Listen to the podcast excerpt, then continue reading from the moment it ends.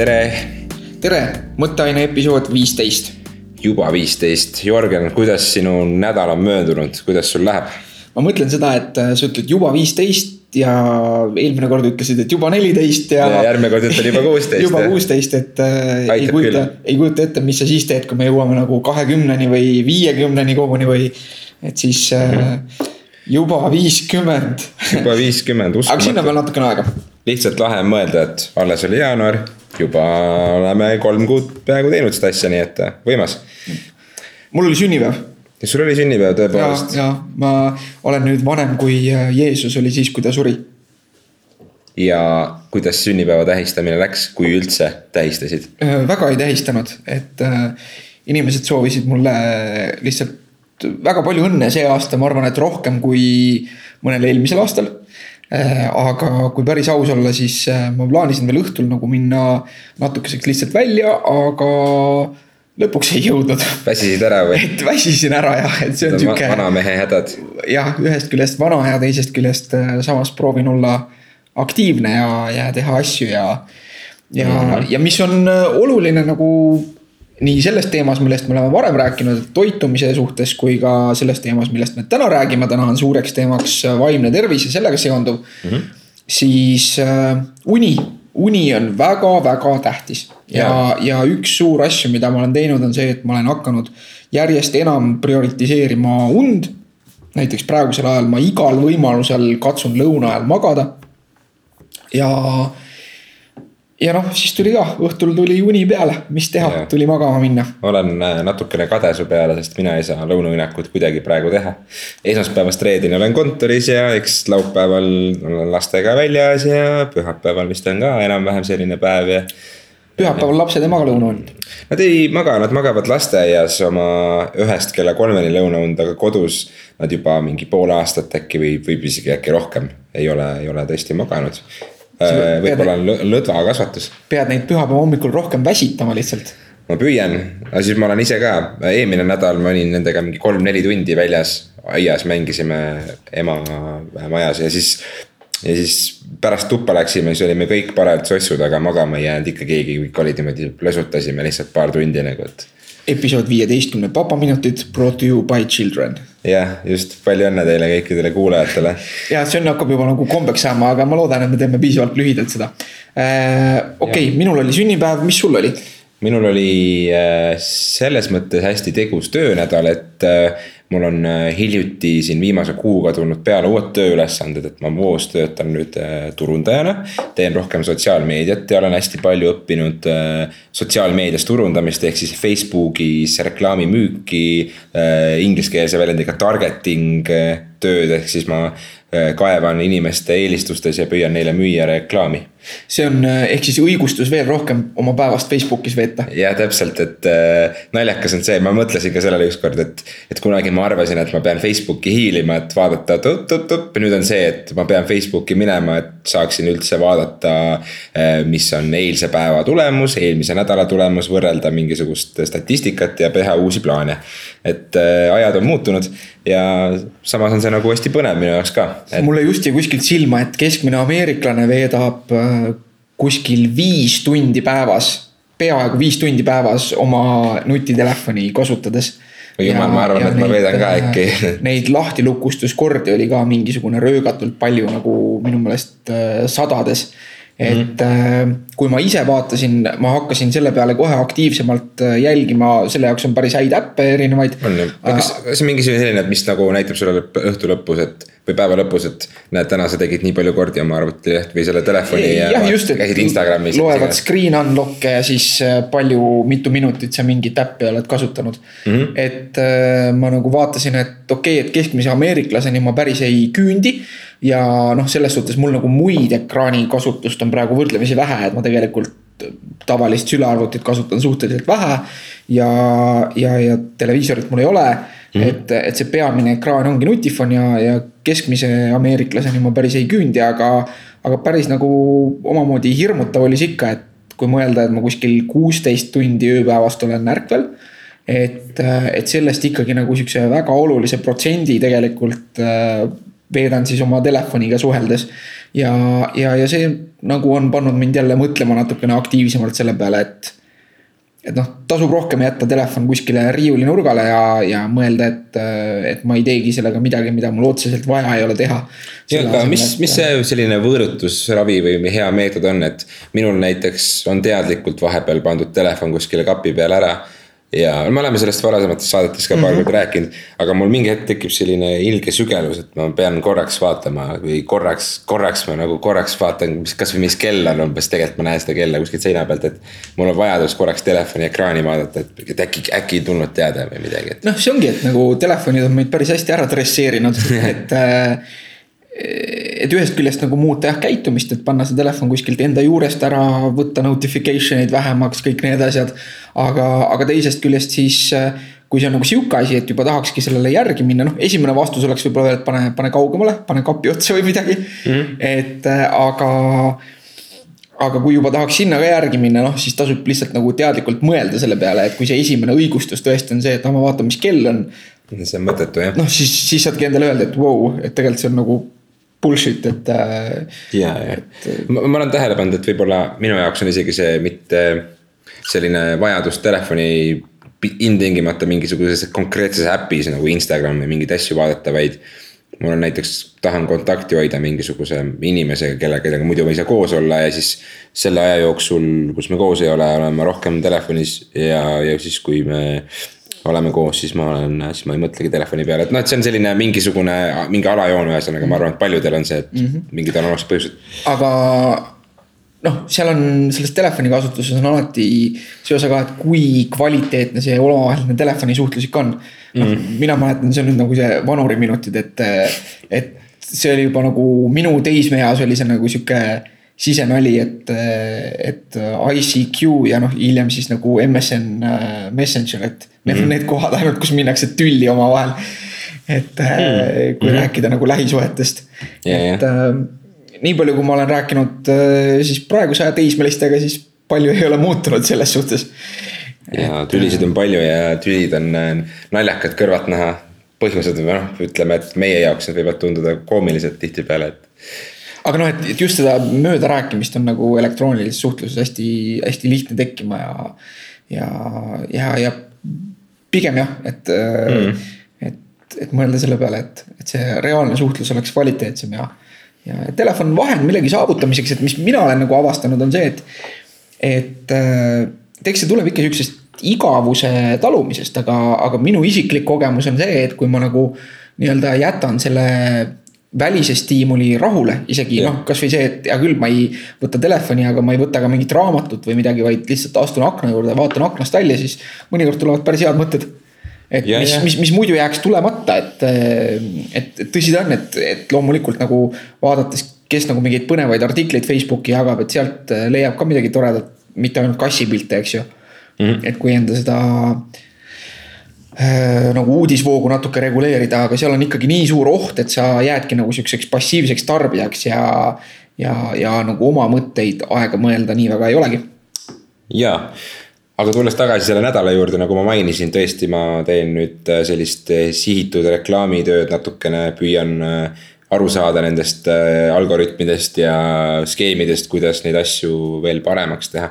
et ma sellel nädalal me siis Voog, see veebilehe, veebilehe ehitamisplatvorm, mis me, mis meil on siin. et me teeme koostööd Tallinn Music Weekiga. Äh, meil on mitmed Eesti muusikud ja ka välismaa muusikud on meie juurde enda veebilehed teinud ja siis me reklaamime neid selle raames.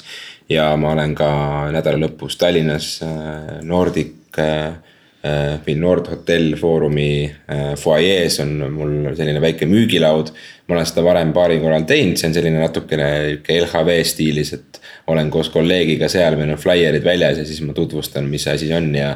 ja, ja mis me, mis me teeme siin, et ähm, mm, lähen teen ka natukene äh, näost näkku müügitööd. gorilla stiilis oled, oled see mees, kellega keegi rääkida ei taha, kes kõnnitakse teises suunas kohe. ma olen jumala veendunud, et see võibki nii olla, aga, aga jah, eks ma olen ise ka see inimene, kes tihtipeale kõnnib teises suunas, kui ma näen, et keegi midagi müüb, aga minuga on lõbus jutustada, sest et ma ei taha sulle midagi pähe määrida tegelikult seda ütlevad nad kõik. ja, ja. okei, aga kas sa sellel nädalal midagi nagu erilist enda jaoks avastasid ka? Mm. -hmm. avastasin ühe mõtte või ühe sellise hea asja, mida ma mõtlesin kindlasti, sina äkki arvad võib-olla teravamalt sellise teema kohta, sest et sul on juba loomuses arvata asju ja öelda neid välja, et äh, selline tähelepanek, kuulasin ma ühte podcast'i, kus oli külas selline mees nagu Bas Rutten. ja seal ta mainis ühte mõtet, et kui me ostame, äh, ostame mingisuguseid tooteid poest näiteks pesupulbrit või mingisuguseid äh, nahaasju, kreeme või mis iganes. siis tihtipeale meil on, eks ole, toodete peale kirjutatud äh, dermatoloogiliselt testitud. see tähendab seda, et see, kui me loeme seda, et mis see tegelikult siis noh tähendab, on see, et. et see on äh, nahasõbralik, justkui see on testitud katselaboris nii-öelda läbi, et see ei ole mingisugune keemiline mürk, mis sul naha, naha sisse augu söövitab, eks ole keemiline mürk on Keem. muidugi selline väljend, mille peale ma tean, tean, et vähemalt üks meie kuulaja, kes on hariduselt keemik, krigistab hambaid kindlasti. jah, vabandan oma halva sõnakasutuse pärast. tegelikult on meil neid keemikuid päris mitu isegi. ja see on väga vinge, mul on hea meel, et meil on selline väga mitmekülgne kuulajaskond. Science bitch. jah, igatahes mis, mis ma, mis see mõte sealt sellest eh, asjast nüüd on, on see, et, et tõesti pakenditel on eh, dermatoloogiliselt testitud. küll aga me tihtipeale ei tea, mis see testi tulemus on, et seal on selline väikene seaduse auk, et, et see on pakendile ära kirjutatud, et ta on testitud aga kas selle testi tulemused olid, äh, olid keskmised, äh, olid nad äh, võib-olla natuke isegi alla keskmise, et ma ei tea, kus see piir on, kus see test nii-öelda läbi lubab neid tooteid. aga põhimõtteliselt selle testi tulemusi saad teada ainult kontakteerudes selle kauba tootjaga, mis on muidugi ilge tüütus ja keegi ei taha seda teha ilmselt aga iseenesest enne kui sa näiteks mingisugust toodet oma nahale määrid, oleks ju hea, kui sa tegelikult tead, mis selle testi tulemus on. noh, näiteks ja see mõte jäi mulle lihtsalt kuvama lihtsalt, et, et mina ka ostan tooteid, kus on peal näiteks mingi lause, et sellega on midagi tehtud ja, ja maru, maru vägev, ma tunnen palju kindlamalt ennast. aga noh, näiteks võib-olla selle testi tulemus oli hoopis alla keskmise ja oli selline, et. Äh, sõltumatu Šveitsi labor. jah, sõltumatu, kes need tüübid on, kes need sõltumatud mehed on nagu, lame maa äh, okei, ja no muidugi Baas Rutten, äh, paneme võib-olla saate linkidesse mõne naljaka video Baas Ruttenist, siis te saate teada, kes on Baas Rutten. et Baas Rutten ise muidugi müüb ja promob seda noh, maski, maski. tal on see treeningmask. jah. tal on, ta on siis pikaaegne mm, ütle nüüd. MMA võitleja treener praegu ta on suhteliselt aktiivne treener. ta tahtsin öelda, et ta on pikka aega astmahaige tegelikult sellepärast, et see maski vajadus on tulnud, sealsamas äh, saates ta ka rääkis sellest, kuidas ta selleni jõudis. aga jah, et äh, tõesti äh, pikaaegne MMA legend. aga igal juhul, mis puudutab nagu ma olen seda ise natuke uurinud ja, ja mu tuttavad personaaltreenerid. Shout out siin treenitargalt seltskonnale Tallinnas Äh, on seda nagu süvitsi uuringuid vaadanud ja see ikka nagu kasutegur ei mängi kuskilt välja, et. et kõige parem on ikka nagu lihtsalt, lihtsalt trenni teha erinevat ja varieeruvat ja seda, mis su, mis su spordiala edasi kannab. või noh, nagu mis siis panustab nagu sinu sellesse eriala spetsiifikasse ka, aga, aga et mm. -hmm et noh, ma olen siin Tartus ka näinud, et aeg-ajalt, kui ma lähen, ma elan, eks ju äh, kergliiklustee lähedal, et vahel ma ikka näen mõnda äh, tüüpi, kes riietuse järgi ilmselt tegeleb kas boksi või kick-poksi või karatega ja siis tal on see mask ees ja jookseb ja. siis ma alati tahaks tal nagu nööbist kinni võtta öelda, et kuule, et võta, võta parem eest ära ja jookse ilma selleta hmm,. okei okay,, aga see mask maskiks, et mis sa arvad sellest äh, dermatoloogiliselt testitud äh, väiksest sildikesest või Rootsi sõltumatust äh, instituudist, et. või oli see Šveits hoopis jah, et kas need label'id tekitavad mingisuguse teatud sorti turvalisuse meis, et me tarbime rohkem, ostame rohkem, ostame rahulikuma südamega muidugi, et nagu selliseid trikke on müügis hästi palju ja mm, -hmm. ja isegi nagu sihuke praegu on näiteks selline võtmesõna on nagu neuroteadused. et kui äh, sa alustad lauset, et sa võid selle peale mõelda, et kui sa lähed voogu müüma, et siis äh, kui sa saad kuskile sisse põimida selle, et äh, näiteks, et neuroteadlased on leidnud, et sellised lihtsa template'iga lehed nagu Voos on, on nagu palju efektiivsemad, siis, äh, siis inimesed usuvad sind rohkem ja tõenäolisemalt äh, tahavad su toodet kasutada. kes need neuroteadlased siis täpsemalt on? ega see ei ole absoluutselt tähtis okay., tähtis on see, et sa oled lihtsalt seda öeldes mm. veenev mm. -hmm. ja, ega ongi nii, et ju tuhanded juba kasutavad seda toodet ja nagu see ei muidu. miljonid, miljonid kärbsed söövad sitta, nad ei yeah. saa eksida. Nad ei saa eksida mitte, et äh, see kuidagi oleks seotud sellega, lähme edasi. okei, et äh, jah. ja lähme edasi Lähme edasi, nii äh,. mina avastasin see on jätkuks eelmise nädala teemast, et võrdlemisi no ütleme nii, et ma ei, ma ei ole nagu sinna kaevumist veel lõpetanud, et äh, eelmise nädala suure teema vandenõuteooriatega seoses äh, ma alustasin erinevate asjade äh, lugemist ja kuulamist ja et noh, ütleme nii, et ma siiamaani olen kukkumas sinna jäneseurgu. et mine sa tea, et võib-olla tulen teisest otsast välja ja olen ka ärkvel kui ma woke jah, et äh, hashtag woke äh,. aga ma jätan praegu kõrvale selle, et, et, et seal äh, nii-öelda selles lamedamaa asjades äh, ma olen vaadanud nagu siis nii-öelda neid argumente ja vastuargumente ja minu meelest ma ei, ma ei saa aru, aga nagu need lamedamaa argumendid ikka noh. kui sa vaatad nagu nii-öelda laiemat füüsikalist või, või laiemat astronoomilist pilti, mille jaoks minu meelest noh, mina ei ole, eks ju, ei füüsik ega astro äh,, astronoom mm. -hmm. mul on siin et mõttes, et ära ütle astroloog, ära ütle astroloog, et see on alati see koht. ära keera paremale. jah, et ähm,, et noh, et isegi nagu mina suudan hoomata seda aga noh, muidugi lamedamaa tüübid ütleks seda, et see on sellepärast, et mind on maast madalast indoktrineeritud hmm.. et, äh, et nagu skeptik EE hiljuti postitas ka hea nii-öelda äh, nagu omapoolse tõestuse selle kohta vastusena siis Telegrami tõestusele, et maa on lame ja kuidas nad enda meelest teletorni nägid üle Soome lahe mm. -hmm. siis skeptik EE postitas nagu vähemalt võrdväärse, kui mitte parema tõestuse selle kohta, et, et kuidas ikka maa on ümmargune. Äh, et, et see nagu ei, ei nagu kliki ja, ja kui ma kuulasin ühte suurt, äh, ühte selle ala nagu prominentsemat teoreetikut siis, siis noh, lõpuks see jõudis ikka sinna, et see on suur vandenõu selleks, et inimesed tunneks ennast suures maailmaruumis tühisena ja vabamüürlased ja illuminaadid ja. ja kõike seda, aga mitte sellest ma ei tahtnud rääkida tegelikult okay.. et äh, ma tahtsin rääkida sellest, et äh, sattusin lugema ka Monsanto ja siis äh, glüfosaadi, mis on selline palju poleemikat tekitav taimekaitsevahend äh,, selleteemalisi asju.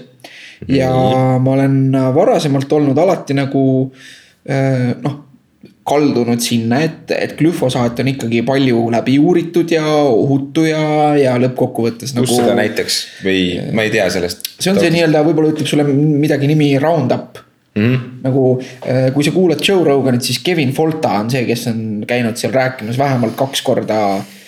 kes mm -hmm. on siis äh, ise nagu bioloog yeah.. Äh, aga ühesõnaga mulle siis äh, sel teemal arutledes äh, ja, ja lugedes tekitasin Facebookis ühe teemalõime oma seinal, kus ma siis jagasin nagu justkui sellist pro või, või nii-öelda nagu justkui pro teadus ja, ja pro siis glüfosaat äh, meemi. Ja, ja seal nagu päris asjalikud inimesed päris asjalike allikatega vaidlesid mulle vastu ja ma lugesin neid ja, ja minu jaoks siis nädala avastus oligi see, et, et teadus on nagu nihkunud sinna, et see ei olegi nagu nii mustvalge enam, et, et on leitud näiteks seda, et rotikatsetes, et isegi väga väiksed doosid seda glüfosaati rottidel siis panustasid nagu maksa rasvumisse ja, ja, ja seeläbi võivad tekitada nagu sellist nii-öelda metaboolset sündroomi, mis on siis teist tüüpi diabeedi justkui eeldus või, või, või sellele eelnev ja, ja inimeste puhul me ju näeme, et selgelt nagu ülekaal ja teist tüüpi diabeet on nagu äh, selgelt tõusuteel ja, ja olgugi, et ma ise arvan ja, ja minu meelest uuringud näitavad sinna, et, et nii-öelda selline äh, vähem liikumine ja, ja, ja kõik see toidu tarbimiskeskkond, kõik see on muutunud selliselt, et inimesed liiguvad vähem ja söövad rohkem. aga, aga see ilmselt ei ole nagu noh, päris tervikpilt, et, et iga lisa väike tükk sellest puslest on ka oluline info. et, et sealt ka, et üks väga äh,. me rääkisime toitumisteemas ka sellest, et ma mainisin, et nii-öelda, et alustada sealt, et Newtoni füüsika kehtib kõigile, eks ju, et, et söö vähem ja liigu rohkem on nagu selles mõttes tõsi. aga üks personaaltreener, kelle asju ma loen ja, ja kes mulle üldiselt väga meeldib, et tema nagu ütles selle kohta, et see nõuanne nagu ülekaalulisele inimesele, et söö vähem ja liigu rohkem, et see on umbes sama hea kui inimesele, kes on vees, öelda, et äh, nagu upu vähem ja, ja uju rohkem hmm et, et, et see on nagu õige, aga see ei ole tihti nagu praktiline või et, et seal tuleb nagu arvesse võtta nagu võimalikult palju faktoreid.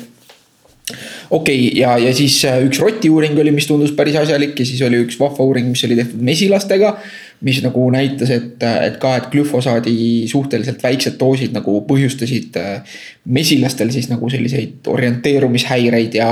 ja seal küll nagu oli natukene näha seda, et need teadlased olid minu meelest väga selgelt nagu anti, noh see on väga sihuke emotsionaalne teema, inimesed kipuvad sealt olema nagu väga tugeva emotsionaalse laenguga, kas ühte või teistpidi.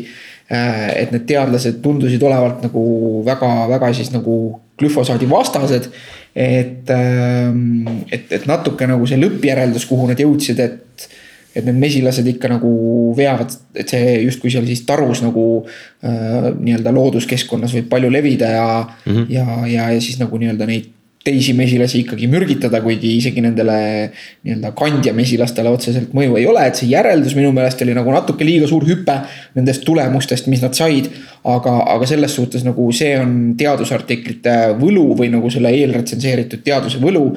et, ähm, et need uuringu kirjutajad siis tõid ka ise välja, et jah, et see on nagu hüpotees või spekulatsioon, et see ei ole mitte see, mida nad otseselt tõestasid. aga see on see, mida nad arvavad, et võib siis juhtuda selle põhjal, mida nad tõestasid. mis siis oli see, et sellel glüfosaadil nagu mesilastele ütleme siis mõju ikkagi on. et, äh, et, et palju selliseid väikseid asju ja, ja, ja et, et, et põnev teema, mis on ka nagu noh, see glüfosaadi teema ja Monsanto ja suurkorporatsioonid, kes kes siis nagu lõppkokkuvõttes toodavad glükoosi, fruktoosi siirupit ja, ja seda igale poole panevad, et see on ka kõik sihuke noh, vandenõuteoreetikute väga, väga nagu äh, üks meelisteemasid ja seal on hästi palju halba teadust ka. Äh, aga, aga samas nagu mina siis nii-öelda avastasin taas seda, et, et kui sa ise tahad nagu jääda ratsionaalseks ja tõenduspõhiseks, et siis ei tasu kunagi nagu nii-öelda beebit vanniveega välja visata, et, et lihtsalt sellepärast, et nagu mingit asja ütlevad vandenõuteoreetikud ka ei tähenda seda, et ja. sellest teemast ei võiks ka tulla tegelikult äh, ratsionaalset infot. nii et äh, ma nüüd jään ootama siis äh, nii-öelda tõenduspõhiseid teadusuuringuid selle kohta, et maa on lame ega, ega midagi, hommikuni äh, kuskil väikses pimedas toanurgas pokserite peal teed research'i ja lähed, lähed hommikul punaste silmadega tööle ja saad kolleegidele uusi teadmisi jagada iga päev põnev, paneme need äh, väiksed artiklinupud ka saate jalusesse, et kõik huvilised, kes seda tahavad lähemalt uurida, saavad lugeda. ja äkki on ka huvilisi, kes kuulavad ja juba teavad kaasa rääkida, et igati teie kommentaarid ka juba eelmise nädala saate osas tuli mitu sellist äh, väga mõnusat teemas kommentaari sarjade kohta. Äh, tuli meil siin hilisema Lameda maa vestluse kohta vist, ma olen sassi, kuskil oli mingi kommentaar, et ühesõnaga väga mõnus. tagasivaates eelmisele nädalale, et mis äh, ma nüüd vaatasin selle pilguga, oli kommentaar, et äh, seriaal Modern Family on hästi nagu selline mm. tarbijakultuuri keskne, eks ju mm. -hmm. see ei olnud nagu minu jaoks uudis või noh, et see ei, on nagu väga sihuke. aga mis ma, mis ma avastasin, ma hakkasin veel nagu võib-olla mõnes mõttes hoolikamalt seda seriaali nagu äh, analüüsima või, või metatasandil vaatama ja. kas sa, kas sa ei saa seda sarja enam nüüd nautida? ei, ei ma saan ikka, et see nagu siiras huumor on ikka siiras huumor, aga tegelikult mm. seda pani tähele minu äh, abikaasa mm. -hmm. kes ütles, et kuule, et äh, tegelikult on ju iga osa nagu see ülesehitus seisneb sellele, et äh, nad on üksteise suhtes räigelt nagu varjavad ja valelikud hmm,. ja, psühholoogiline analüüs. Ja, ja, ja see on tõesti nagu tõsi, et noh, ehm, see on ka asi, eks ju, ma ei, ma ei võta nagu seda nii-öelda mõtet, ei võta mõttekrediiti endale, et. et, et seda siis ütles mu abikaasa, et, et noh, et tegelikult, et see ei ole nagu suhetes väga funktsionaalne, aga samas teisest küljest, et väga nagu headest ja ausatest suhetest võib-olla ei saaks väga häid nalju ja, ja väga põnevaid seriaale. et mm., et selles suhtes mõistetav, aga tõesti, et see tihtipeale, et see terve süžee on üles ehitatud sellele või need süžeeliinid seal erinevates pereosades. sellele, et keegi on kellelegi midagi rääkimata jätnud, keegi tunneb millegipärast piinlikkust ja varjab midagi või, või tahab mingit oma skeemi teha ja. ja üritab teistel nagu nahkõlet kõrvade tõmmata. mis, mis tegelikult nagu ei peaks käima sellise äh, terve ja õnneliku nagu perekonna juurde hmm.. head mõtted ja see on, see on tõesti aga kas see on paljudes sellistes pere, kus on peremudel nagu, eks nad on ka teadlikult sisse kirjutanud sellised alajooned ka, mis nagu näitavadki seda, et toimub, toimub sihuke sahkerdamine selja taga ja siukene, aga noh. jällegi antud sarja puhul on tegu ikkagi äärmiselt hea komöödia ja. sarjaga, et see on. aga noh, teisest küljest see nagu normaliseerib ikkagi seda, et see ongi ja. nagu mõnes mõttes tundub, et see ongi nagu.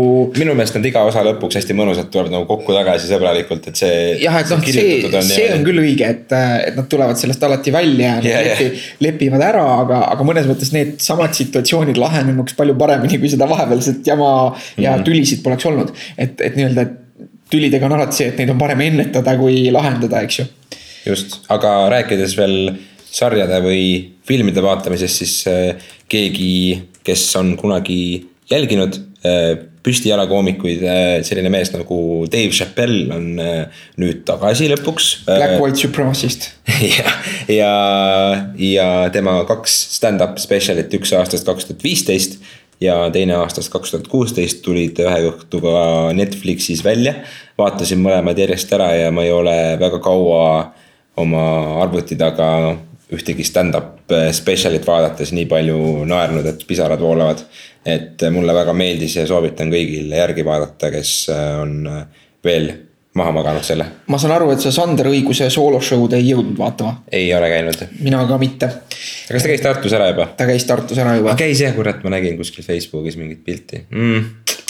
aga tal on päris pikalt see tuur minu arust veel. jah, lootust on, et äkki tuleb jälle, ei ole kursis äh,. igatahes äh, Eesti äh, skeenet tasub ka toetada. ja Tartus rääkides siis, kui ma ei eksi, aprilli esimesel nädalal on vist Ateenas üritus, kus on äh, Mattias Naan, Jarek Kasar, äh, äh, Toomas Tilk, ühesõnaga hip-hopi ja stand-up'i sihuke üritus on. mida võib ka huviline, kellele meeldib sihuke asi, vaatama minna kindlasti mm, -hmm. et ma ise vähemalt mõtlen sinna minna, et ma ei tea, kas ma küll jõuan, aga, aga, aga selline asi jäi silma. et hästi mõnus on, et pidevalt roteerub midagi sellist mm -hmm. Eestis. see on igati positiivne Tartus ja. nagu Tartu kesksed jah, aga nad on, nad on Tallinnas ja igal pool mujal ka. et Sander Õiguse tuur on päris korralik nagu Eesti, Eesti tuur, et ta käib ka väiksemates linnades ja äh,. aga seda hip-hopi ja äh, püstijalakomöödia, seda ma ei tea, kas see on nagu ühekordne või, või kuidas ehm,. see on ka osa tuurist, aga nad on Tallinnas ja, ja võib-olla kuskil mujal linnades ka. ma ei tea peast, aga kellel huvi, siis otsige välja või veel parem, paneme lingi siis ka juba saate alla. okei okay., kas sellel nädalal pani midagi ka sind kulmu kergitama, et WTF, mis mõttes ähm, nagu?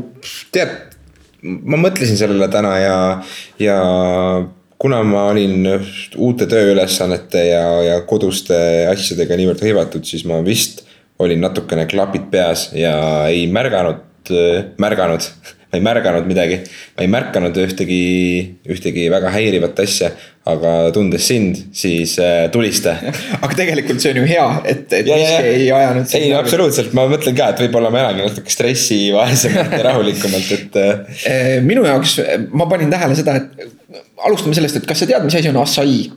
tean. jah, et äh, kuulajad võib-olla ei tea. see on see Brasiilia taim, mida kõik äh, jujitsu vennad nii ütlevad, et sööge seda. jah, et, et selline nii-öelda Brasiilia supermari, kus on hästi palju rauda.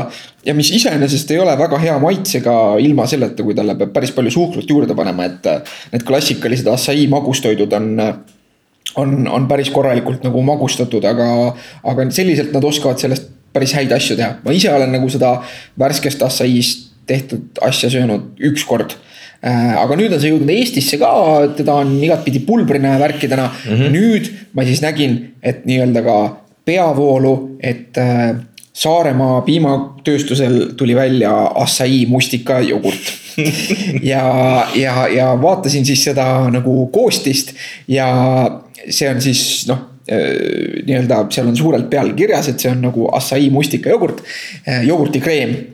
Üldiselt mulle Saaremaa tooted väga meeldivad, et ma siin ei, mul ei ole mingit seost nendega, et nende maitsestamata jogurt on näiteks väga hea. igasuguseid asju teha sellega aga see Assai mustika jogurtikreem siis, kui lugesin nagu koostist, siis sealt võib kenasti näha, et. Et seal sees siis on kakskümmend üheksa või tähendab üksteist protsenti siis Assai mustika lisandit sellest jogurtist mm. -hmm. et üksteist protsenti on siis lisand ja siis sellest üheteistkümnest protsendist äh, lisandist, see siis koosneb äh, peamiselt suhkrust, siis on seal kakskümmend üheksa protsenti mustikaid. ja selles üheteistkümnes protsendis lisandis on üks protsent assai mahla kontsentraati. Äh, mille peale siis kenasti minu Facebooki ja Instagrami jälgijad arvutasid välja, et kui võtta see neljasaja grammine tops jogurtit siis äh, selles on äh, null koma nelikümmend neli grammi äh, assai mahla kontsentraati ja kaksteist grammi mustikaid. kuuskümmend grammi suhkrut kusjuures, et kui rääkida sellest, et seal oli ka nagu see fun fact, et kui tahta saada näiteks sealt enda viis peotäit marju, mis võiks päevas ära süüa, siis sellega tuleks kaasa antud jogurti näol kõigest kaks ja pool kilo suhkrut et, äh, et see oli nagu see, et, et mis hetkest nagu, et noh, et see on nagu sihuke tõeline homöopaatiline doos ka äh, siinkohal Martin Sepp oli see, kes võttis selle väljendi minu Facebooki seinal, et. Äh, et äh, vaevalt, et see Assai nagu mingit reaalset efekti omab ja, ja firmad võiks nagu mõelda selle peale, et enne kui nad mingisuguse suure sildiga äh, midagi nagu müüvad, siis äh, noh, mõni inimene ikka leidub, kes seda peenikest kirja loeb ja siis selle kallal ilkuma hakkab mm. -hmm. nagu, mhm. nagu antud juhul siis mina. ja, ja ma usun, et ma ei ole ei esimene ega viimane selle koha pealt. Äh, et, et see kipub ikka olema, et nende poejogurtitega nagu, et seal on päris palju suhkrut ja seda head kraami on päris vähe, et palju parem variant on äh, osta ise külmutatud mustikaid ja, ja segada neid näiteks kasvõi sellesama Saaremaa maitsestamata jogurtiga ja panna sinna isa, ise täiesti äh, tavalist suhkrut. kas, kas, kas üks väike hea nipp, mis siit sellest saatelõigust nüüd võtta, ongi see, et ma ise samamoodi tihtipeale kõnnin hommikul kontorisse, lähen toidupoodi, mõtlen, et võtan ühe jogurti endale või midagi sellist, millega ma saan hommikusöögi vajaduse kätte, et oleks ka natuke magus näiteks. aga ütleme, et selleks, et vältida mingisugust, äh, noh sellest ühest topsist ma ilmselgelt ei saa sellist üleliigset suhkrudoosi küll, aga teha tervislik valik.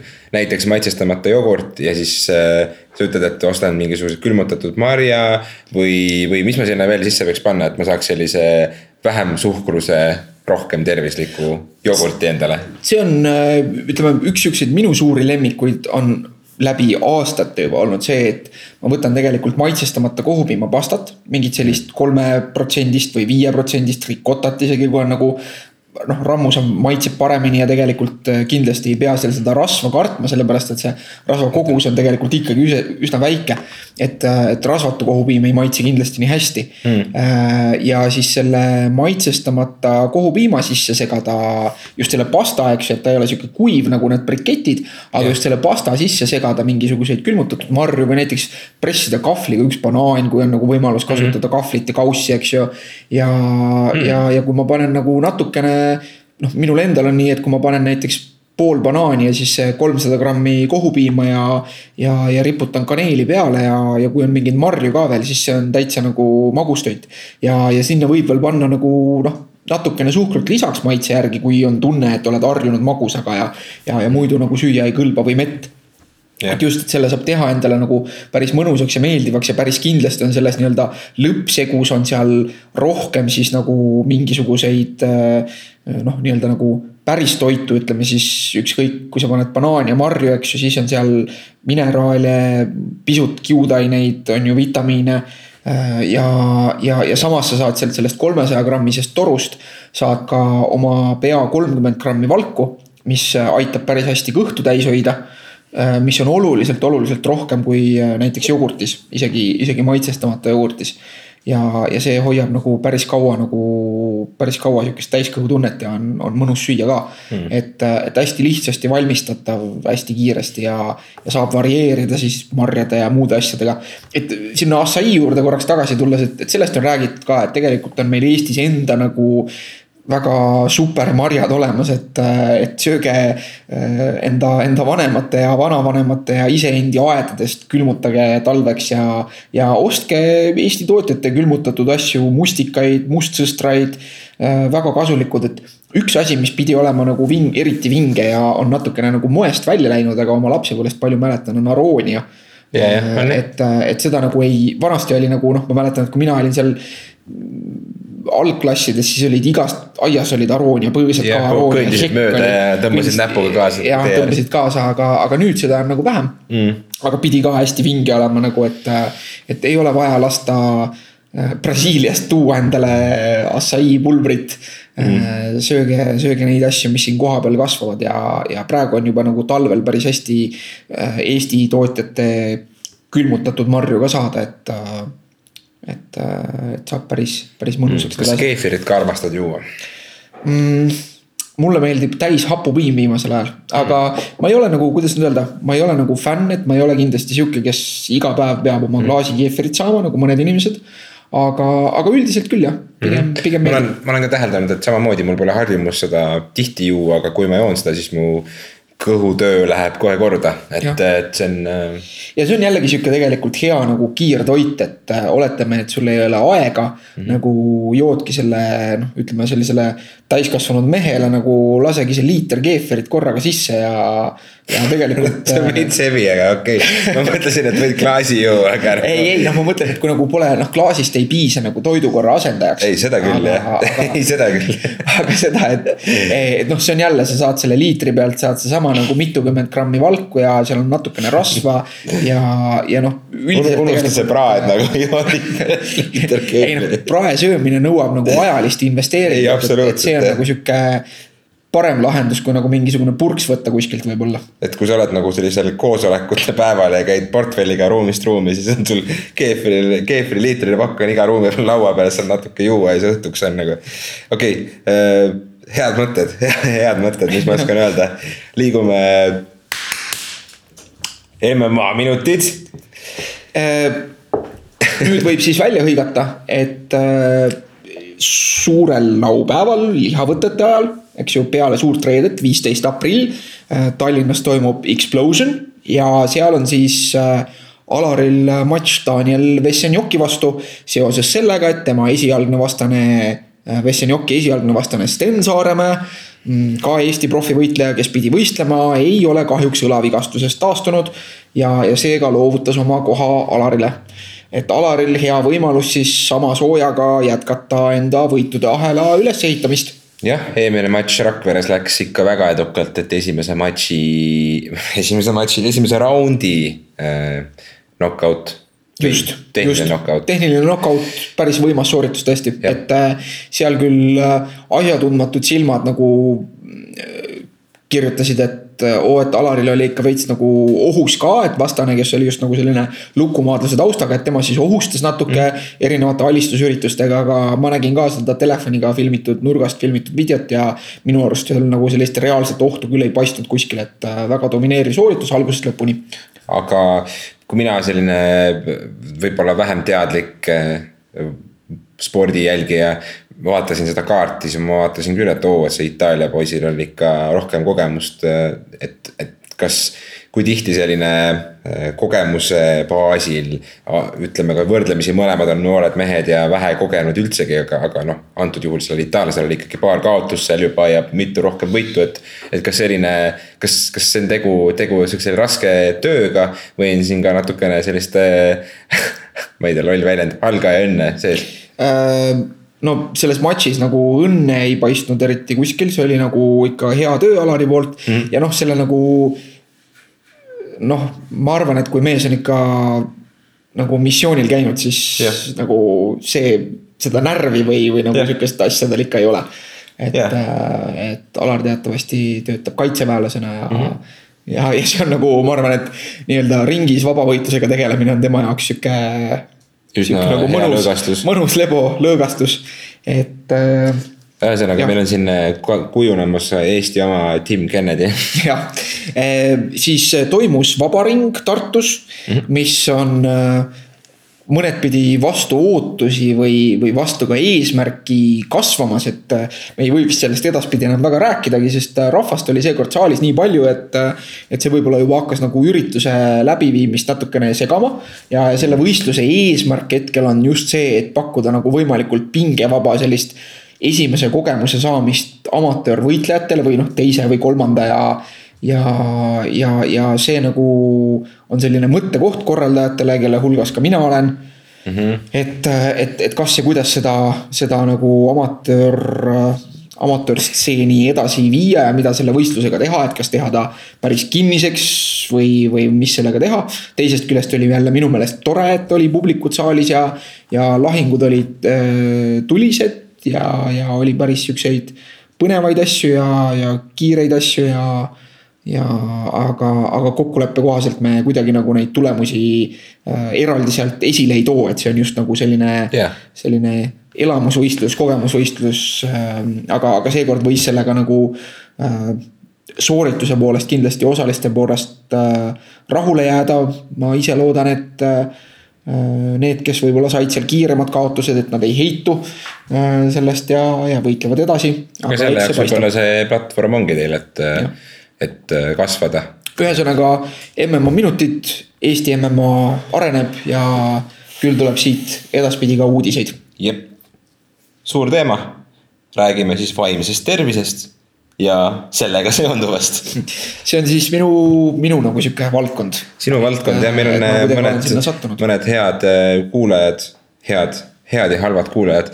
ühesõnaga, meil on äh, laekunud ka mõtteid siin viimaste nädalate jooksul kuulajatelt üks ähm, inimene konkreetsemalt äh, viis meie tähelepanu nendele küsimustele, et äh, alustame väga lihtsalt äh,. mina võhiklikult ei teagi äh, väga täpselt nüüd, et kes näiteks ütleme laiemale kuulajaskonnale, et kes, mis rollid äh, on äh, psühholoogil ja psühhiaatril, et kes need inimesed on ja kuidas need inimesed satuvad äh, oma esimeste patsientide juurde või on need mitte patsiendid, on need külastajad, kes need inimesed üldse on, kes nende juurde lähevad?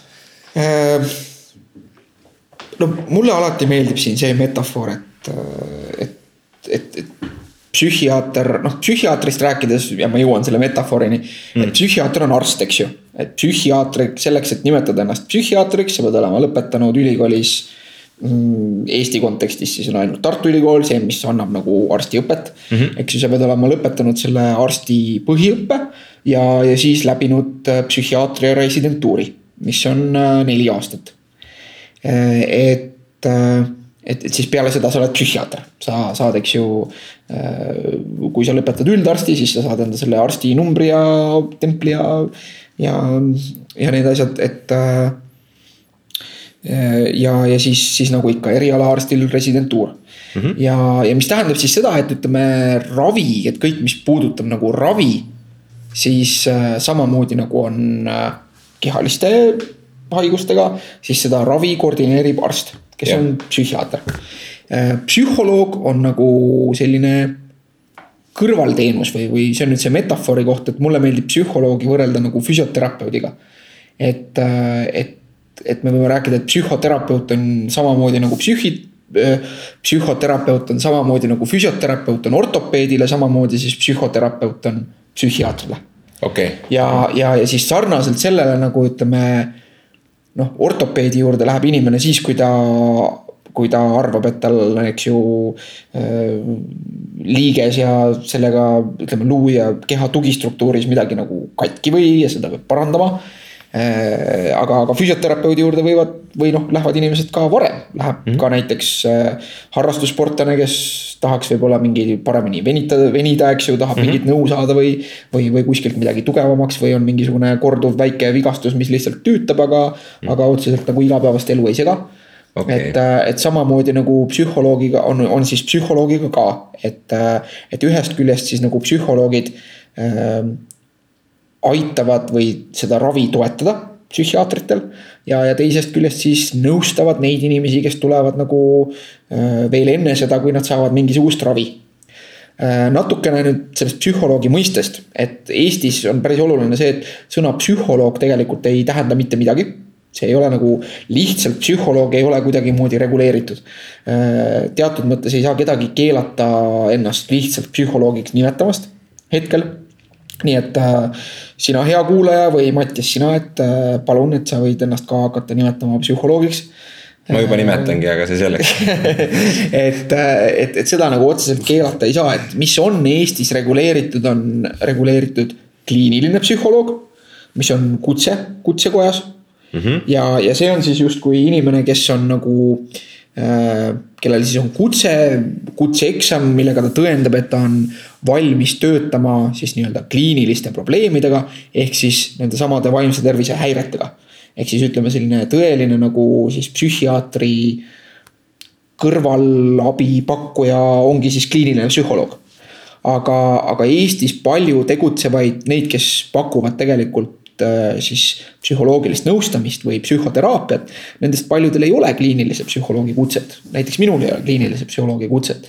sest nagu ikka, et noh, paljudel erialadel, et see kutse saamine äh, on, on noh, mingisugune protsess, mis tuleb läbida. ja, ja erinevalt siis arstidest ei ole see kutse äh, ütleme siis seda isegi õppeks nimetada või ütleme, see kutse nagu praktika kogumine ja, ja siis selle kutse taotlemine.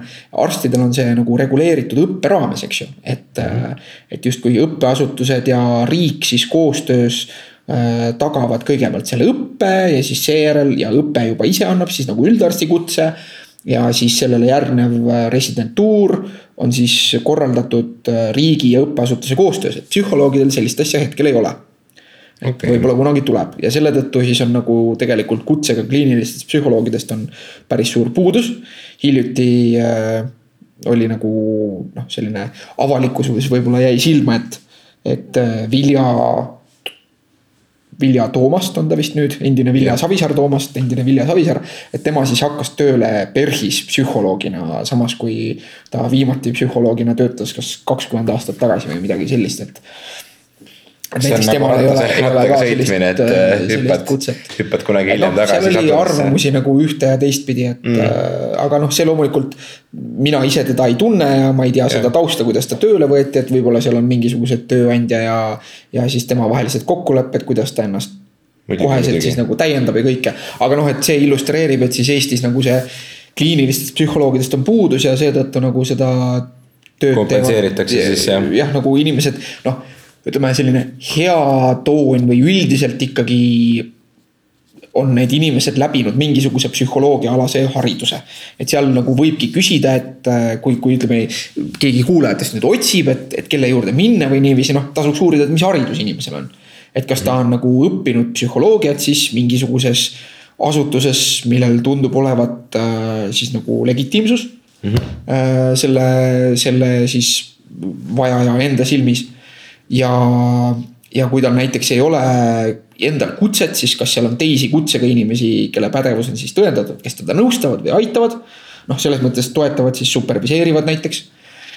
ja, ja, ja lõpuks siis seda, et, et kas tal on nagu lisaks sellele psühholoogiaalasele haridusele. mis näiteks ka Tartu Ülikoolis on nagu hästi sihuke laiapõhjaline, eks ju, seal õpitakse kõike, sa õpid arengupsühholoogiat ja uurimismeetodeid ja ja, ja neurokeemiat ja, ja mm., ja, ja kõiki siukseid asju. et, et kas siis lisaks sellele on sellel inimesel ka mingisugust õpet selle kohta, mida siis konkreetselt. kuidas siis inimesi nõustada või, või, või kuidas teha mingisugust teraapiat. ja noh, Eestis on nagu siis nii-öelda ametlikult tunnustatud kaks teraapiasuunda, mis on, mis on pereteraapia ja kognitiivkäitumuslik teraapia. millel on siis nagu selline näidustused ka haigekassa poolt et, äh, et, et see haigekassa teenusena siis psühhiaater saab suunata pereteraapiasse, perenõust nagu pereteraapiasse või siis äh, individuaalteraapiasse, kognitiivkäitumisteraapiasse. ja, ja et tasub siis vaadata, et kas on mingi teraapiaalane väljaõpe sellel inimesel. igasuguseid teraapiasuundi on veel, Eestis on ka psühhoanalüütilist teraapiat, see koolkond on päris lai. Äh, aga, aga nende tunnustus on väiksem, aga noh, samas nad iseenda meelest on hästi tegijad, eks ju. ja, ja, ja igasugused erinevad ma eeldan Või- no see sõltub natukene Sa ütled, et enda meelest. äh, see sõltub natukene sellest, mida sa inimesena üldiselt psühho äh, Mhm. noh, tegelikult õige on öelda psühhodünaamiline nagu psühhodünaamilisest koolkonnast ja selle hetkeseisust arvad Okei. et äh, et noh, mina äh, läksin kunagi psühholoogiat õppima selle tõttu, et mulle väga meeldis äh, äh, noh, õigem vist oleks öelda nagu Jüri Alliku raamat. et see on nagu ilmunud justkui äh, äh, Sigmund Freudi inimhinge anatoomiast, aga seal nagu Sigmund Freudi tekste on üks kolmandik ja Jüri Alliku kriitikat nendele on kaks kolmandikku. et, et, et minu hariduslik taust on olnud hästi kriitiline psühhodünaamilise siis teraapia suhtes ja okay., ja, ja nagu noh, ma olen lugenud ka uuemaid efektiivsusuuringuid ja ja asju ja, ja, ja see nagu ei ole minu arvates hetkel väga veenev, et, et aga, aga see on nüüd mu isiklik arvamus mm -hmm. hetkel, et, et, et kui keegi psühhodünaamik juhtub meie saadet kuulama, siis palun vaielge mulle vastu ja, ja esitage allikaid ja ma vaatan üle mm. -hmm. Et ühesõnaga nagu ei ole muud valikut psühholoog, et kui psühhiaatriga on lihtne, et vaatad, et kas inimesel on kehtiv psühhiaatri kutse. psühholoogidega on raskem, et, et natukene tuleb siis sellise teadlik, kui, kui tahta olla selline teadlik klient, siis pead natukene uurima, et. et, et kas sellel inimesel on haridus, kas tal on mingi teraapia väljaõpe, kas see klapib siis minu vajadustega. ja, ja mis on minu jaoks need kriteeriumid, mis, mis tõendavad pädevust. noh, võib vaadata ka seda, kas see inimene kuulub näiteks Eesti Psühholoogide Liitu. sest Eesti Psühholoogide Liidul on vähemalt, kui organisatsioonil on olemas mingisugune eetikakoodeks, millele siis inimesed ennast nii-öelda nagu rajavad. jah, et noh, nad nagu nii-öelda äh, neile siis kehtib see koodeks, ega selle koodeksi rikkumise tõttu midagi väga äh, hullemat kui sealt liidust välja viskamine ei ähvarda. aga mm, aga sellegipoolest, et inimene on nagu vabatahtlikult allutanud ennast siis mingitele nõudmistele. et see, see maastik on segane paraku ja, ja, ja töö käib, et, et, et seda selgemaks teha, aga, aga see kõik võtab aega okei okay., aga see on äh, psühholoogi õpingutele minnes, enne kui sa selle valiku tegid endale, et kas sa, kas on mingisugused jooned näiteks, mida inimestel üldjuhul ka nüüd hilisemalt, kus sa oled seda tööd juba teinud ja sul on kolleegid ja tutvused selles ringkonnas.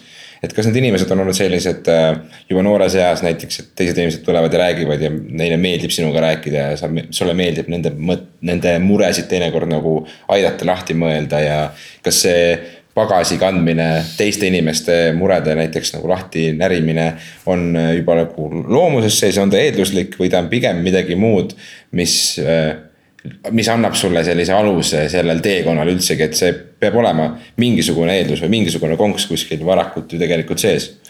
ma ei tea, mina hea meelega ei keskmistaks niiviisi, et mm., et neid põhjuseid on palju, miks tullakse psühholoogiat õppima. ja, ja mm, -hmm. ja seal on, eks ju ka erinevad suunad, et ongi need inimesed, kes jäävad ainult teaduse peale.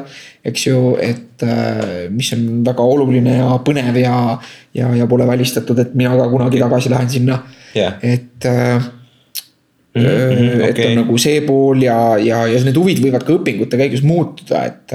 kindlasti muutuvadki minu jaoks oli hästi see, et, et, et noh, ma tulin ka nagu selle sooviga, et mind hästi huvitas nagu see, et kuidas nii-öelda, mis paneb inimese tiksuma üldiselt ja, ja võib-olla nagu mõista paremini inimese mõtlemist ja, ja, ja siis võib-olla nõustada teisi.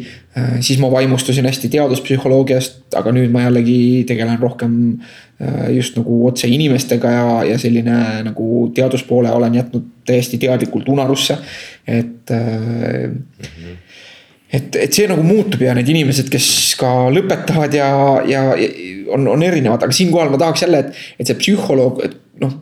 samamoodi nagu füsioterapeudiga ka, et siin natuke, et erinevalt arstist, et arsti puhul sa pigem vaatad mingit üldist pädevust, eks ju. ja, ja siis see, kas see inimene sulle nagu nii-öelda meeldib või mitte, see ei ole tähtis, eks ju. aga, aga nüüd sellise individuaalse nõustaja puhul, ükskõik, kas tegemist on nüüd kliinilise probleemiga või mitte. siis noh, psühholoogid ise üldiselt ütlevad ka, et et seal on nagu sellist individuaalset nagu noh, kõige lihtsam oleks öelda klappi nagu ka vaja. et sa tunned, et selle inimese tööstiil sulle sobib ja et ta on äh, noh, et kliendi poole pealt kas sul on niimoodi juhtunud, et äh, ei sobi kliendiga koostöö? no see on nüüd, sa keerad selle asja nagu teistpidi, et, et noh, et. et psühholoog ise nagu peaks juhinduma sellest, et kui ta tajub, et mingid kliendi omadused või, või siis veendumused Äh, mis ei pruugi tema probleemidega seotud olla, eks ju, et need ei sobi kokku. siis äh, psühholoogi kohustuseks võiks olla see, et ta leiab siis teise sobiva, et ta nii-öelda tunneb oma pädevuse piire, see on hästi oluline asi mm.. ja, ja ta aitab edasi suunata, et seda võib ette tulla loomulikult, eks ju, et kui me räägime näiteks noh, mm, et kui kliendil on mingid väga tugevad näiteks religioossed veendumused, mis, mis siis nõustaja omadega üldse ei, ei kliki, on ju no,. võib, võib seda tulla ette, eks ju, aga et siis on nagu psühholoogi kohus tajuda seda, aga, aga mina mõtlesin just nagu teistpidi, et mm. Et, et noh, et, et see on, ütleme nii-öelda naljaga pooleks, et kliendil on ka õigus mõelda lihtsalt, et mulle nagu psühholoogi nägu ei meeldi, et et ma võtan nagu teise psühholoogi, eks ju, et see, see isegi mina nagu teatud mõttes innustaks sellele, et see, sa võidki nagu valida seda inimest, kes, kes tunned, et sind nagu kõige paremini aitab reaalselt. Nojah, et aga see on tegelikult, ma arvan, kõigil meie kuulajatel on ka see kogemus olemas, et kui sa kohtud teise inimesega, siis mõne inimesega sul on see selline loomulik side mingil määral rohkem kui teise inimesega ja see orgaaniline vestlus nii-öelda läheb käima ja sa avad ennast jah, jah, aga ma siinkohal tahaks nagu julgustada neid inimesi, kes mõtlevad, et et äkki läheks psühholoogi juurde või juba käivad, et nagu. noh, see just seda valikulisust nagu ma rõhutan just nagu selle poole pealt, et kliendil psühholoogi suhtes, et. et ma olen nagu tajunud seda või kliendid on rääkinud ise, et nad nagu natukene vahel põevad sellepärast, et oo, et mida äkki nagu terapeut arvab või mm.. või et, et noh, et ma sihukest asja ikka ei julge öelda umbes, aga noh, tegelikult nagu psühholoogidel on väga hea meel, kui, kui klient on nendega aus. sest, sest nagu see on nagu kehtib igas asjas, et nagu. loomulikult mm, psühholoogilise nõustamise puhul nagu äh, psühholoog saab töötada ainult sellega, mida klient talle annab. eks ju, et kui, kui klient hoiab asju salajas või, või muudab või nii-öelda näitab ennast välja nagu teatud mõttes parem, kui ta tegelikult on siis mm, -hmm. siis tegelikult ju see võtab ära efektiivsusest tema probleemide lahendamisel abiks olemisest. Et, äh, et, et ärge kartke öelda psühholoogidele, kui teile tema nägu ei meeldi. Et äh, ja, ja samas ärge muretsege selle pärast, et, äh, et, et psühholoogid ise niiviisi ei, ei mõtle. vähemalt kui nad on professionaalsed, need, kellega mina seni kohtunud olen, kellega mina koos töötan, need on, et, et, et selles suhtes ei ei, ei tasu nagu muretseda selle üle, et et mida nüüd terapeut minust arvab või mida, mida psühholoog minust arvab, et nagu. see on see, kuidas sellega toime tulla ja, ja, ja see ongi nagu see, milles siis nagu teraapia väljaõpe ja, ja, ja psühholoogia väljaõpe aitab. aga nagu klientidel ei pea olema seda pädevust, eks ju, et. Äh, aga, aga sa ütlesid, et noh, mainisid seda, et, et mida, mida nüüd keegi arvab sellest, et aga kui me nüüd näiteks räägime sellest mingit moodi teatud hirmust või, või, või, või siis häbist. et oi, et mul on võib-olla vajadus käia psühholoogi juures nõustamas, et kas ma olen imelik või kas mul on midagi teistmoodi kui teistel. samal ajal vaadates näiteks hiljuti oli äkki Postimehes mingisugune arvamusartikkel, et keegi oli kirjutanud, et tänapäeva noored, kes käivad koolis, kes käivad suurtes koolides, kus on äh, palju paralleelklasse ja palju sellist äh, Äh, nii-öelda ühevanust sellist nagu pidevat sihukest noh, noortevahelist ikka sihukest kasvamiseas sihukest sarvede mahajooksmist ja, ja pidevat nagu võitlemist. ja sellega kaasnevad ka psühholoogilised väljakutsed ja traumad teinekord. et, et kas siis, kui meil on selline keskkond kas see on nüüd jah, see on küll tõesti soodne minemaks võib-olla psühholoogi juurde, aga, aga, aga kuskohast see äh, nii-öelda see idee või see vajadus algab, et, et kas noh, lapsed tegelikult ju ise ei ütle, et, et kuule emme, et palun vii mind psühholoogi juurde, et ma ei saa enam kellelegi äh, normaalselt neid asju rääkida, mida ma tunnen ja ma ei oska neid väljendada ja mul on vaja kedagi, kes aitab mul nüüd äh, lahti kodeerida selle probleemi. et äh, või, või aga vastupidi, täiskasvanud inimesed, kes on juba võib-olla liiga uhked sellele ideele, et. et, et oh, ma olen terve elu suutnud alla suruda asju ja ära lahendada enda peas ja mis ma ikka hakkan nüüd järsku kellegagi rääkima, et et, et kus see selline piinlikkus ja häbi tekib ja kuidas äh, me praeguses ühiskonnas nagu oleme avatud sellele, et inimesed tunnistavad probleeme ja püüavad nendega nagu vastavalt siis abi saaja, abi saada ja, ja neid äh, lahti murda? no noh, see häbi selline, ma arvan, et see on nagu sihuke kultuuriline, ühest küljest natuke selline kultuuriline norm või et meil on alati nagu raske tunnistada oma nõrkusi ja probleeme mm -hmm. ja. Ja, ja eriti nagu võõrastele, et, et seal on ka võib-olla sellist noh, nagu sotsiaalse ärevuse komponenti, et mm, noh, et mismoodi ma teistele paistan, et sellel on kindlasti teatav sihuke evolutsiooniline taust ka, eks, et, et, et karjaühiskonnas peab välja nägema võimalikult äh, hästi toimiv ja tugev. eks, et muidu võib-olla kari jätab nõrgema liikme maha mm. -hmm. aga need ongi sellised täpselt sellised sotsiaalsed stigmad, mida me kardame. küll aga ma olen tähele pannud näiteks, et, et kui, kui ümbruskonnas on juba rohkem inimesi, kes seda on proovinud. ja on ennast paremini tundnud näiteks pärast psühholoogi juures käimist, siis on see selline nagu oh normaalne asi, et, et näed, mina ka käin, et see on juba, see on juba täitsa okei okay see trend nagu minu arust läheb paremuse poole, et, et, et see on nagu noh, õnneks ka nagu olgugi, et võib, võib-olla mitte ideaalselt, et paljudes filmides on see psühholoogi juures käimine äkki sihuke nagu noh, Sopranoses oli, eks ju. et, et, et see on võib-olla nagu väärpilt sellest, mismoodi see koostöö tegelikult välja näeb ja, ja, ja mida seal tehakse mm. -hmm. aga, aga järjest rohkem inimesi käib ja julgeb sellest avalikust rääkida, avalikult rääkida ja, ja Eestis on ka näiteks noortele just suunatud, et peaasi.ee seltskond äh, teeb väga tänuväärset tööd nagu noorte vaimse tervise sellise normalis-, normaliseerimise, nende vaimse tervise probleemide normaliseerimise suhtes ja info jagamise suhtes. Äh, ja nad hiljuti korraldasid ka just nagu meeste vaimse tervise päeva. et mm., et kes on nagu traditsiooniliselt need grupid, kes võib-olla on vähem avatud sellele, et, et paraku statistilises mõttes on see, et, et, et see, kes, et naised on nagu avatumad oma, oma probleemidest rääkima. ja, ja, ja nagu äh, noh, et see läheb paremaks, aga, aga samas ei ole veel piisavalt hea. et mm -hmm. mulle meeldib jälle tuua siin seda sihukest paralleeli, et, et noh, ei tasu nagu kahelda, et see on alati nagu ennetus on parem kui ravi, eks ju. et, et samamoodi nagu minu meelest iga selline äh, iga terve inimene ja ennast terveks pidav inimene, kes lihtsalt hoolib oma sellisest kehalisest tervisest ja liikumisvõimest. võiks käia ära füsioterapeudi juures, kes hindaks seda, et äh, kas see, kui hästi ta saab äh, oma varbaid katsuda püstiasendist ja. ja, ja, ja kui sirge tema selg on, et kas see on nagu ja kuidas ta liigub, eks ju mm. -hmm. et kas see on nii-öelda nagu temale sobivate normi piirides ja, ja kas on mingeid asju, mille kallal võiks töötada, et, et säilitada ja, ja parandada oma liikuvust ja sellist keha jõudu ja funktsionaalset toimivust. et täpselt samamoodi võiks ju käia läbi psühholoogi juurest ja, ja, ja nii-öelda jutumärkides halvim, mis juhtuda saab, on see, et psühholoog ütleb, et kuule, et sul ei ole siin midagi teha, et sul on kõik väga normaalne, väga, väga korras ja, ja sa tead ise juba kõike, eks ju mm, -hmm. et äh, et, äh, et siis on lihtsalt see nii-öelda jutumärkides raisatud äh, poolteist tundi või tund või, või mis sinna kulub ja. ja, ja, ja polegi midagi, aga, aga võib-olla saad nagu midagi kasulikku teada äh, sellest, kuidas su oma mõtlemine töötab või, või, või, või kuidas oma emotsioone paremini juhtida või. Mhm. aga ütle mulle sellist asja, et kes need psühholoogid on, et kes need nagu sellised superkangelased on, et kelle juures psühholoogid käivad? kuidas, kuidas nemad oma muresid lahti mõtestavad, küll aga neil on võib-olla hariduslik eeldus juba oma peas neid asju paremini lahendada, kui võib-olla neil, kes ei ole seda asja varem lugenud või õppinud. küll aga ma arvan ka psühholoog võib vajada ühel hetkel tuge.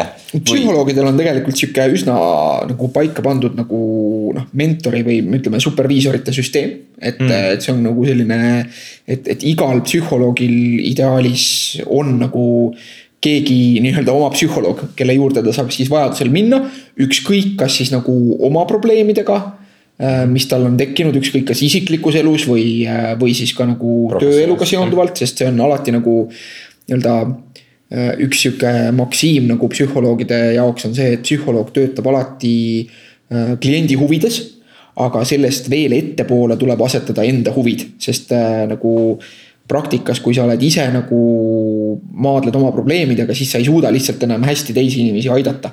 ja see hakkab läbi selle siis kahjustama neid mm. -hmm. et, äh, et seetõttu nagu me harjume olema valvel nagu enda suhtes. Äh, ja, ja, ja siis psühholoogidel on oma superviisorid, kelle juurde saab siis minna nagu enda asjadega, kui siis ka sellega, kui sul on. see on jälle see pädevuse piiri küsimus, et kui sul on klient, kellega sa tunned, kas sul on mingi konflikt või et sa ei oska teda nii hästi aidata, oled juba proovinud siis saab võtta selle juhtumi ja loomulikult leppida kliendiga kokku, eks ju, et ükski juhtum ei lähe ühelt psühholoogilt teisele ilma selleta, et klient annab selleks nõusoleku. Äh, et, et siis superviisori käest nõu küsida. väga põnev, see on äh, Need on sellised küsimused, mida ma ei ole kunagi saanud kellegi käest küsida. ma tean, et meil on äh, kuulajad, kes tahavad, et me läheks sellesse kõigesse veel rohkem süvitsi sisse. Ma korraks puudutan veel sellist äh, võib-olla küsimust, mis ka minu, minuni jõudis, aga mis mul ka endal on äh, peas, et kui, kui me nüüd rääkisime natukene psühholoogidest ja psühhiaatritest, siis nende kahe vahel on enamiku jaoks selline üks lüli ja need on, ravimid. Need on tihtipeale see, see trepiaste, et ma lähen, käin psühholoogi juures ja psühholoog soovitab mulle võib-olla näiteks äh, mingisuguseid ravimeid, mis aitavad mul või kuidas see käib, et kas, kas psühholoog soovitab või ta suunab lihtsalt edasi psühhiaatri juurde, kes siis soovitab? Eestis tegelikult äh, psühholoogil mingit võimu nagu ravimeid välja kirjutada mm. ei ole, samamoodi nagu füsioterapeudil ei ole õigus nagu määrata mingit farmakoloogilist ravi mm.. et Äh, et noh, samamoodi nagu füsioterapeut võib äh, nagu nii-öelda läbi viia mingisuguseid füsioterapeutilisi protseduure, eks ju, et äh,. aga, aga see toimub kõik nagu arsti ettekirjutusel, siis samamoodi nagu selline äh, ravi, ravi toimubki äh, nagu ikkagi arsti juhtimisel. et, et psühholoog võib anda oma arvamuse, aga, aga selles asjas töötab äh, psühholoog alati nagu koos arstiga.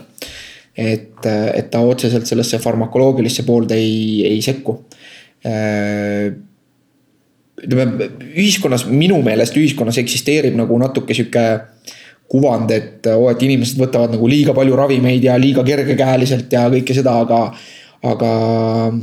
aga minu meelest Eestis ja mis puudutab nagu psühhofarmakuna ehk siis neid ravimeid, mis mõjutavad meie äh, ütleme siis vaimuelu, kui sellise väljendiga äh, väljenduda, et, et pigem nagu inimesed on nende suhtes hästi isegi liiga ettevaatlikud ja skeptilised kas me räägime näiteks äh, antidepressantidest, mis on? jaa, et siin on hästi palju igasuguseid selliseid müüte, et äh, oi, et kuidas ma nüüd seda ikka võtan ja kas need tekitavad, äkki ma jään sõltuvusse ja, aga noh mm., tegelikult nagu näiteks antidepressantidel on hästi väike äh, noh, ma ei saa öelda, et, et seda üldse ei ole, aga nagu üli-üliväike sõltuvust tekitav potentsiaal.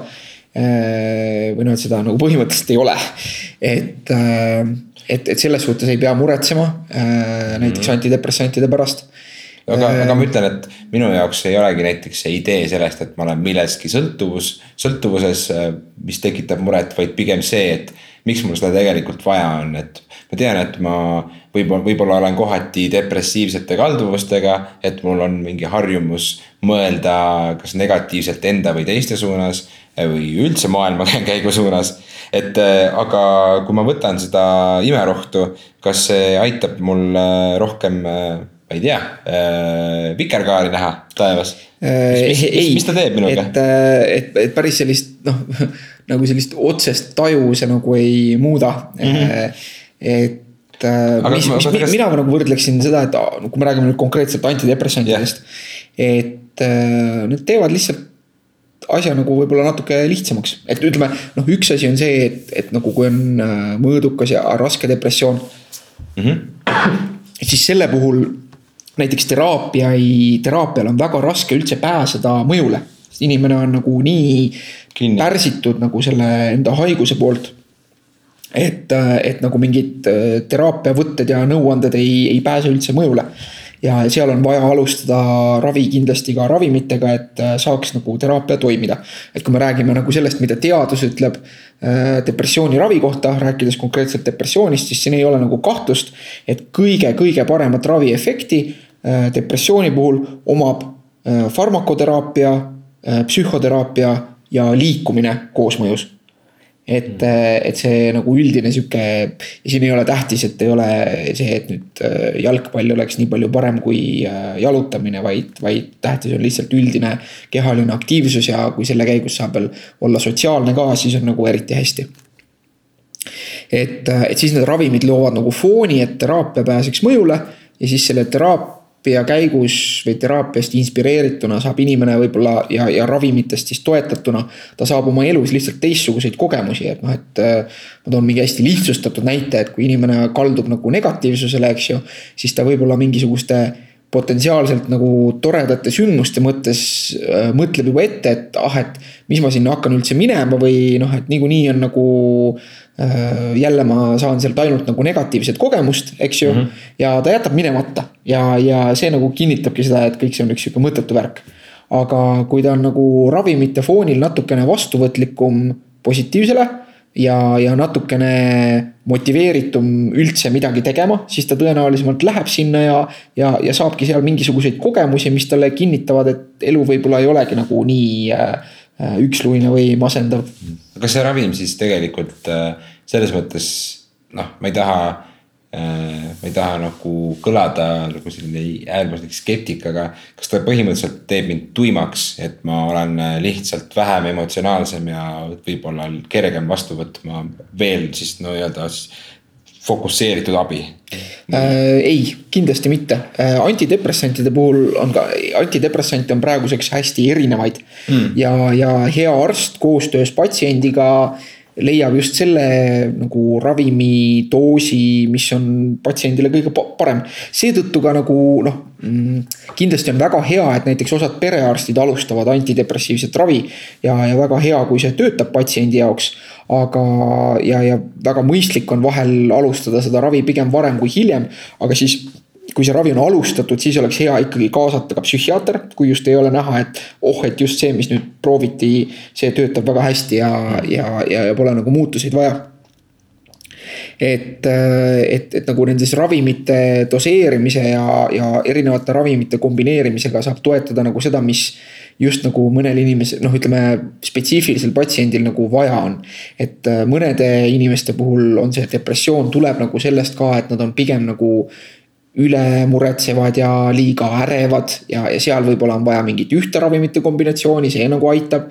teisel puhul on just nagu selline klassikalisem pilt, kus see inimene on nagu hästi pärsitud ja, ja, ja, ja tal on vähe positiivseid emotsioone ja vähe tahtejõudu ja kõike on vähe mm. -hmm. eks ju, mis on nagu selline klassikalisem depressiooni pilt ja seal on võib-olla vaja mingeid teistsuguseid ravimeid ja see mõju on erinev, eks ju, et äh, seda tuleb ka individuaalselt kindlasti jälgida ja, ja individuaalselt ka selles mõttes võib-olla patsiendil ise aru saada sellest, et millised on tema piirid ja soovid nagu. just, just, et okay., et siin on jälle seesama asi, et enda arstiga tuleb rääkida ja mm, -hmm. ja, ja anda talle tagasisidet selle kohta, mis toimub ja. ja, ja, ja see, see on nagu koostöö, et mm, -hmm. et ravis on alati, alati koostöö, aga, aga nagu selline et see on nagu naljakas, et, et ma olen nagu natukene kohanud seda, et inimesed on nagu antidepressantide suhtes hästi skeptilised. ja, ja mis on nagu hästi sihuke noh, mõnikord hirmutav on see, et, et nad tahavad nendest nagu hästi kiiresti loobuda, et inimene on näiteks võtnud kuu või kaks antidepressanti ja siis on see, et oh, et mul on nagu parem, et kas me võime nüüd need nagu ära jätta või et kas ma peaks mm. enda psühhiaatri käest küsima, et äh, jätame nüüd ära, eks ju aga, aga noh, tegelikult, et ei, et sul just hakkas parem, eks ju, et mis sa ise arvad, kui me nüüd need ära jätame, et mis siis nagu juhtub. et, et antidepressantide suhtes ollakse hästi skeptilised, aga samas nagu rahustite suhtes ollakse kuidagi palju äh, tolerantsemad ja, ja palju varmamad neid kasutama, et oh, et me siin nüüd las, et ah, et las see arst kirjutab mul selle ravi, rahusti välja ja mul vahel on nagu hull olla ja siis ma nagu võtan seda sisse ja, ja, ja siis nagu nii-öelda võtab selle ärevuse maha ja, ja saan oma asja, eluga edasi minna, aga, aga tegelikult on just rahustitel nagu see äh, vastik sõltuvust tekitav potentsiaal ja, ja, ja, ja pigem ka nagu pikemaajalisemad mingid tervisekahjud ja riskid ja. ja, ja et, et see on just nagu tegelikult minu meelest see, millega nagu inimestel lõppkokkuvõttes probleeme on ja, ja rahustite tarvitamisel on ka see nüanss, et, et, et rahustite tarvitamine tihti nagu noh, aitabki inimesel nagu mingitest situatsioonidest nagu nii-öelda läbi saada, mis tekitavad näiteks ärevust.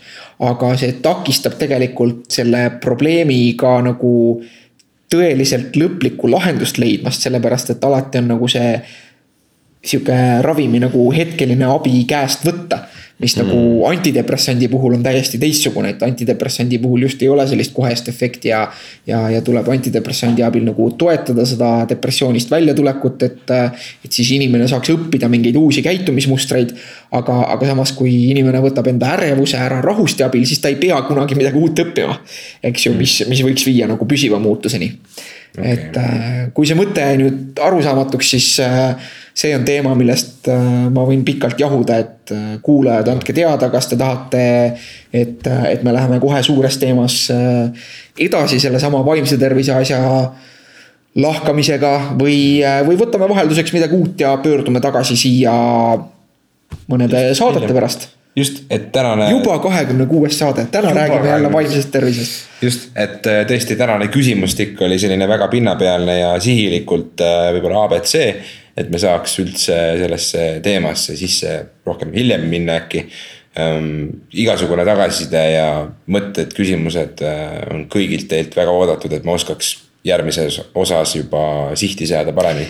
ja kaks asja, mida mina unustasin öelda äh, esimene asi on see, et tuleb ära märkida, et äh, tagasi MM-a minutite juurde. Alar Hutrov on spordiklubi võimlasportlane Äh, seda tahan alati toonitada, sest mina olen spordiklubi Võimla peatreener.